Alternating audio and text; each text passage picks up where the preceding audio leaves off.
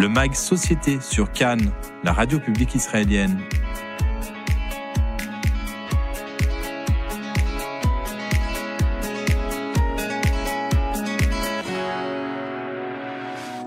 Droit de l'homme, peut-on encore croire à l'universel? Voici le thème d'une conférence qui s'annonce extrêmement intéressante et qui sera donnée dimanche 26 novembre au campus académique de Natania par son Excellence François Zimmeret. Alors François Zimré est actuellement l'ambassadeur de France au Danemark, euh, mais au cours de sa longue carrière d'avocat, d'homme politique et de diplomate, il a occupé de nombreuses fonctions avocat, maire, député européen, ambassadeur euh, pour les droits de l'homme, mais aussi donc ambassadeur de France euh, à Copenhague. Et il nous fait le plaisir d'être en ligne avec nous. Bonsoir, monsieur l'ambassadeur. Bonsoir.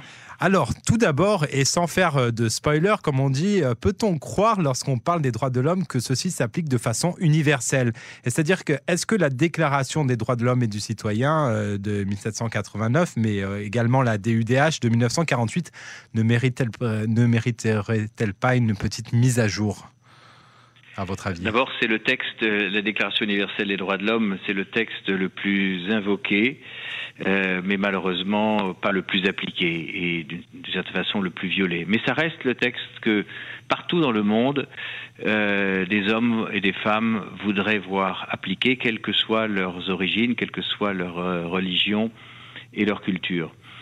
Euh, vous avez raison de poser la question parce que l'universalité aujourd'hui, ça, ça, fait question, ça fait débat, mhm. alors même que à l'époque où euh, euh, ce texte a été adopté en 1948, mhm. et peut-être qu'il faut voir un symbole dans le fait que 48, c'est l'adoption par les Nations Unies, euh, c'est la, la naissance de l'État d'Israël, et c'est également la naissance de la Déclaration universelle des droits de l'homme. Eh bien, à cette époque-là, l'universalité, ça ne faisait pas débat. Euh, C'était une évidence. On était au lendemain de la guerre, de ces atrocités. Euh, aujourd'hui, cette notion qui paraissait si évidente, elle est aujourd'hui en recul. Euh, et comment, comment l'expliquer, cette universalité? Je crois que le, le, la façon la plus simple de l'expliquer, de la raconter, ce sont ces mots qui figurent au préambule de la Déclaration universelle des droits de l'homme, écrits par René Cassin. Et René Cassin, là encore, ce n'est pas une coïncidence, c'était à la fois le, le grand euh, héros des droits de l'homme, le rédacteur de cette déclaration, mais c'était aussi euh, le président de l'Alliance israélite universelle. Et c'était un proche de De Gaulle aussi. C'est un proche de De Gaulle, mais c'était aussi un, un, grand juif. Mhm.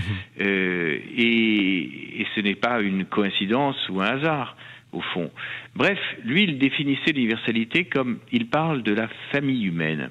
Ce sentiment que, par-delà nos différences, nous appartenons à la même famille des hommes et des femmes du simple fait que nous sommes des êtres humains. C'est cette idée très simple. Et eh bien, cette idée très simple qui était acquise, elle est aujourd'hui menacée, elle est aujourd'hui en recul et elle mérite qu'on s'y investisse et qu'on la raconte. Mhm. Alors, euh, je vous propose, Monsieur l'ambassadeur, eh bien de revenir euh, euh, à votre passé, vraiment votre le début de votre carrière, on peut dire. Donc, au tout début des années 1980, eh bien vous avez été extrêmement choqué, comme de nombreuses autres personnes, eh bien du génocide des Khmers rouges au Cambodge. Et donc, vous décidez de, de, monter une association et vous partez en Thaïlande pour aider justement les victimes de ce génocide, les survivants. Euh, est-ce que c'est un voyage, j'imagine, qui vous a marqué pour la vie? Oui, je crois que sans cette, cette expérience, sans cette exposition à des réalités que mon éducation, mon milieu, ma famille ne m'avaient pas configurées pour voir, euh, sans doute j'aurais suivi un autre chemin. Euh, et au fond, mais pourquoi ai-je été si sensible à la cause cambodgienne alors qu'aucun lien de, de famille ne me rattachait à, à, cette partie du monde?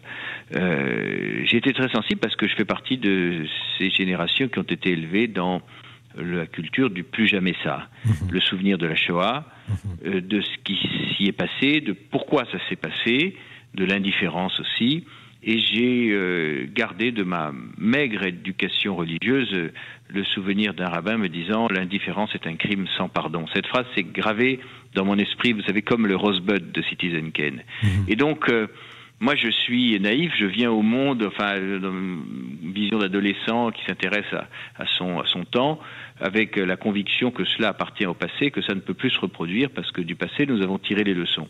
Et qu'est-ce que j'apprends? J'apprends que euh, non seulement un génocide vient d'être perpétré au Cambodge, mais j'apprends qu'on vient de l'apprendre alors qu'il est terminé ou qu'il qu'il euh, s'est euh, produit pendant cinq ans et que il a produit ses effets. C'est-à-dire que j'apprends que le monde était aveugle. que dans cette soi-disant société de l'information, il n'y avait pas encore Internet, mais il y avait déjà les satellites, il y avait déjà la télévision, il y avait des grands médias. Eh mhm. bien, euh, on pouvait ne pas savoir. Et, ça, ça m'a beaucoup frappé. Et je me suis dit, si moi je fais preuve de la même indifférence, alors à quoi sert-il de commémorer la Shoah? À quoi sert-il de commémorer nos morts si nous sommes, et le génocide dont les Juifs ont été victimes, si nous sommes indifférents aux souffrances du présent? Et c'est ce qui m'a poussé à m'intéresser au génocide cambodgien et aller au bout de cette passion, puisque euh, dès que j'en ai eu la possibilité, je me suis rendu euh, à la frontière. Je ne sais pas si vos auditeurs ont vu ce film Killing Fields, la déchirure. Mais dans, ce sont des lieux que l'on voit dans les camps de réfugiés de la frontière. Mhm. Et moi, encore une fois, c'était la première fois que je rentrais en contact, non pas pour des raisons professionnelles, euh, mais j'étais tout jeune homme avec les réalités d'un camp de réfugiés, avec l'attente, avec et, ça m'a euh, énormément marqué. Et je crois d'ailleurs que c'est. Je l'ai compris que plus tard. Mhm. Mais alors justement, je crois que c'est un fil rouge, euh, cette empathie dont vous faites euh, constamment preuve, c'est un fil rouge de votre carrière. Je crois d'ailleurs que vous avez défendu des, des victimes du génocide au tribunal pénal international de l'AE, c'est bien ça? Ben, J'ai déposé les premières plaintes contre les dirigeants Khmer Rouge, c'était au mhm. tribunal de Paris. Et puis j'ai défendu d'autres personnes devant la Cour pénale internationale notamment un enfant soldat du Congo. Donc effectivement, ma vie professionnelle et puis ma vie tout court a été euh, déterminée beaucoup par euh, ce, moment. Et ce moment qui s'origine, encore une fois, dans, dans une phrase, l'indifférence est un crime sans pardon, mhm. qui ne m'a jamais quitté. Mais donc, euh, tout au long de votre carrière, vous avez euh, notamment été euh, ambassadeur pour les droits de l'homme, vous avez parcouru, ben, on va dire, la terre entière. vous avez vu de vos propres yeux des horreurs. Comment est-ce que vous faites pour ben, ne pas perdre la foi, pour rester optimiste et pour ne pas laisser tomber au final, pour ne pas baisser les bras? Ah, écoutez, d'abord, c'est un devoir euh, que de l'optimisme, ce n'est pas forcément de la naïveté, c'est un devoir moral aussi. C'est-à-dire que je suis convaincu que, que si on n'a pas euh, en, soi le rêve ou l'illusion d'un euh, ou la volonté d'un monde meilleur, on ne peut pas le construire. Donc, et, aussi, il y a des moments qui nous montrent que ces efforts ne sont pas vains il y a des libérations d'individus, il y a des progrès en matière de droits de l'homme, il y a des sourires, il y a des, des, des, moments gratifiants de ce point de mhm. vue-là, mhm. qui vous encouragent à poursuivre. Mhm. Mais euh, ce qui m'a surtout frappé, si vous voulez, en parcourant en, plus de 100 missions, des dizaines et des dizaines de pays, euh, c'est de voir, au fond, euh, quand je repense à toutes ces victimes de violations, et j'en ai vu vraiment sous toutes les latitudes. Mhm. Par exemple, vous savez, il y a un des crimes les plus répandus en matière de droits de l'homme, des violations les plus graves, qui s'appelle les disparitions forcées. On prend un opposant et on le fait disparaître. Mhm. On, ne, on, ne, on, le fait disparaître, en général on le torture et on le tue, mais on ne sait rien de ce qui se passe. C'est-à-dire que la famille ne retrouve pas le corps, n'est pas témoin de, euh, des, des, atrocités qui sont commises, donc on ne peut pas porter plainte. Euh, et ça s'appelle les disparitions forcées. Et cette disparition forcée, ça fait partie de la grammaire de tous les dictateurs. Et ça rend fou la famille, justement parce qu'on s'accroche à, même s'il y a une chance sur cent mille que la personne reste en vie, eh bien on s'accroche à cette chance chimérique. Et, euh, et c'est d'ailleurs euh, le nom que se sont donnés les mamans d'enfants disparus en Argentine. Elles s'appellent les folles de la place de mai parce que ça rend fou. Mhm. et parce qu'à table on n'ose même pas évoquer son nom de, faire de, peur de faire revenir un fantôme. On ne peut pas demander la pension du défunt puisqu'on ne peut même pas prouver sa mort. Bon bref j'ai vu toutes ces victimes et euh, quand je repense à elles euh, à celles que j'ai vues euh, en Colombie en Tchétchénie en Algérie au Liban en, en, République démocratique du Congo en Irak en Birmanie c'est comme si je voyais la même personne. C'est le titre de mon livre. J'ai vu partout le même visage. C'est comme si je, c'était le même, c'est le même visage qui apparaît. Parce que c'est avec les mêmes mots qu'ils disent leur douleur et leur souffrance, avec les mêmes mots et les mêmes gestes. Et au fond, c'est là qu'on comprend que l'universalité des droits de l'homme, c'est pas un concept de juriste, c'est pas euh, une phrase de politicien pour les discours, c'est une réalité. C'est pas les droits de l'homme qui sont universels comme ça, comme une abstraction. C'est l'être humain qui est universel. Mm-hmm sa souffrance qui est universelle et son aspiration à la dignité qui est universelle. Et vous savez, euh, une fois, quand j'étais député européen, nous avions invité en commission euh, des victimes israéliennes du terrorisme. Mhm. Et je me souviendrai toujours euh, de ce papa qui s'appelait Monsieur Roth, et puis de cet autre papa qui s'appelait Ohayon, qui avait perdu sa famille dans un, perdu, dont la famille avait été massacrée de façon épouvantable, les enfants et la femme, dans un kibbutz du nord du pays. Et euh, c'était juste après le, drame. Il était là dans, l'hiver à Strasbourg. Il, était là et en même temps il était absent. Il était avec eux. Il regardait leurs photos et il touchait du doigt leurs photos. Il les caressait pendant que les parlementaires parlaient autour de lui. Il caressait sa famille sur la photo. Eh bien, ce geste que j'ai vu là, qui m'avait tant marqué et tant ému, je l'ai revu ailleurs. Je l'ai revu au Liban, je l'ai revu en Colombie, euh, je l'ai revu en Afrique. Et ce geste de caresser du doigt la photo d'un défunt, je l'ai vu euh, euh, à Grozny, en Tchétchénie. d'autres mères l'ont fait, d'autres parents l'ont fait. Et mhm. c'est ce sentiment très fort d'avoir rencontré l'universalité. Encore une fois, je, je, ne plaide pas pour un concept abstrait, mais je veux rendre compte d'une réalité que j'ai vue euh, que le, le, sentiment que nous appartenons à la même famille, que nous avons les mêmes droits et que c'est la même indignation qui s'exprime sur toutes les latitudes, je l'ai rencontré ce sentiment-là. Mais alors, Monsieur Zimré, justement, euh, François Zimré, alors euh, justement, vous me tendez la perche parce que ma prochaine question, vous avez été euh, élu au Parlement européen à Strasbourg en 1999. Vous vous êtes occupé entre autres de la rédaction de la charte des droits fondamentaux de l'Union européenne, et vous avez également, entre autres rapports que vous avez rendus, vous avez présentés devant les instances européennes, vous les avez incités à moins légiférer. Est-ce que, et là, je m'adresse aux juristes, est-ce qu'en tant qu'avocat, vous pensez que ce trop plein de législation porte in fine ben bien, préjudice à la défense des droits de l'homme?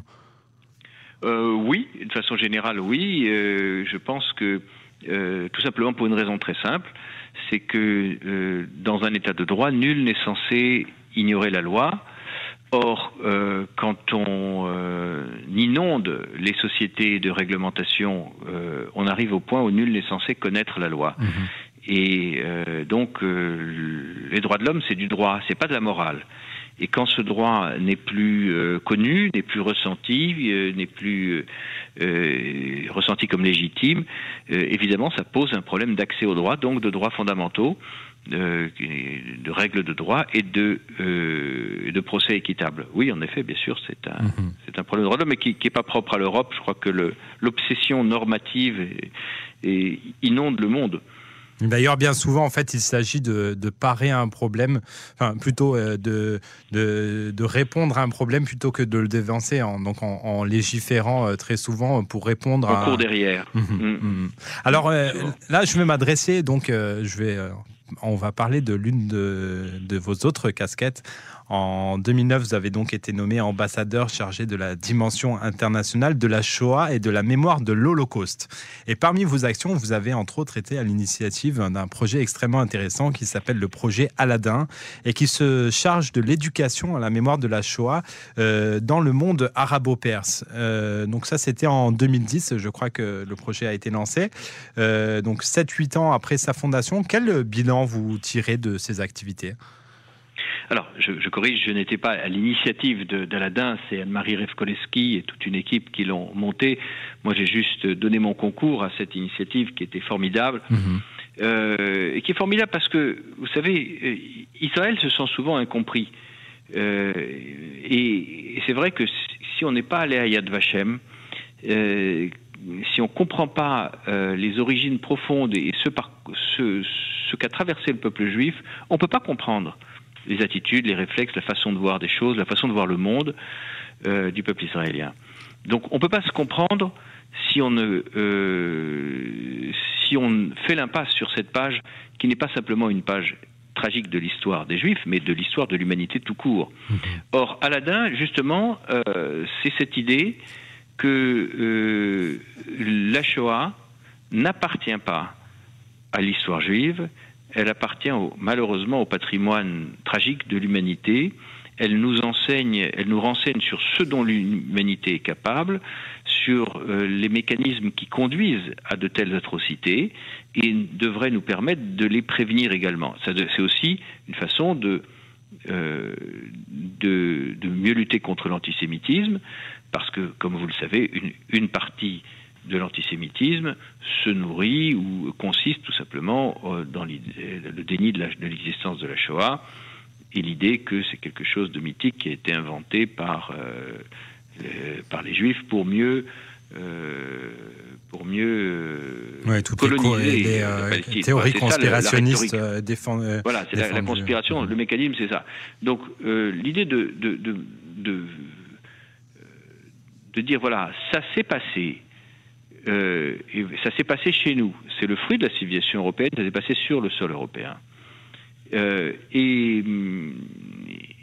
il n'y aura pas de dialogue possible tant qu'on sera dans le déni ou dans l'ignorance. C'est une très belle idée. Et ce qui est formidable, c'est que ça conduit à des, choses très positives. C'est que euh, moi, je me souviens d'un débat extraordinaire à Bagdad, en Irak, avec des journalistes, des universitaires, qui du coup revenaient, avaient envie de, de, connaître ce passé juif de l'Irak qu'ils avaient, qui leur avait été, dont ils savaient qu'il avait existé, mais dont ils savaient peu de choses mhm. en réalité.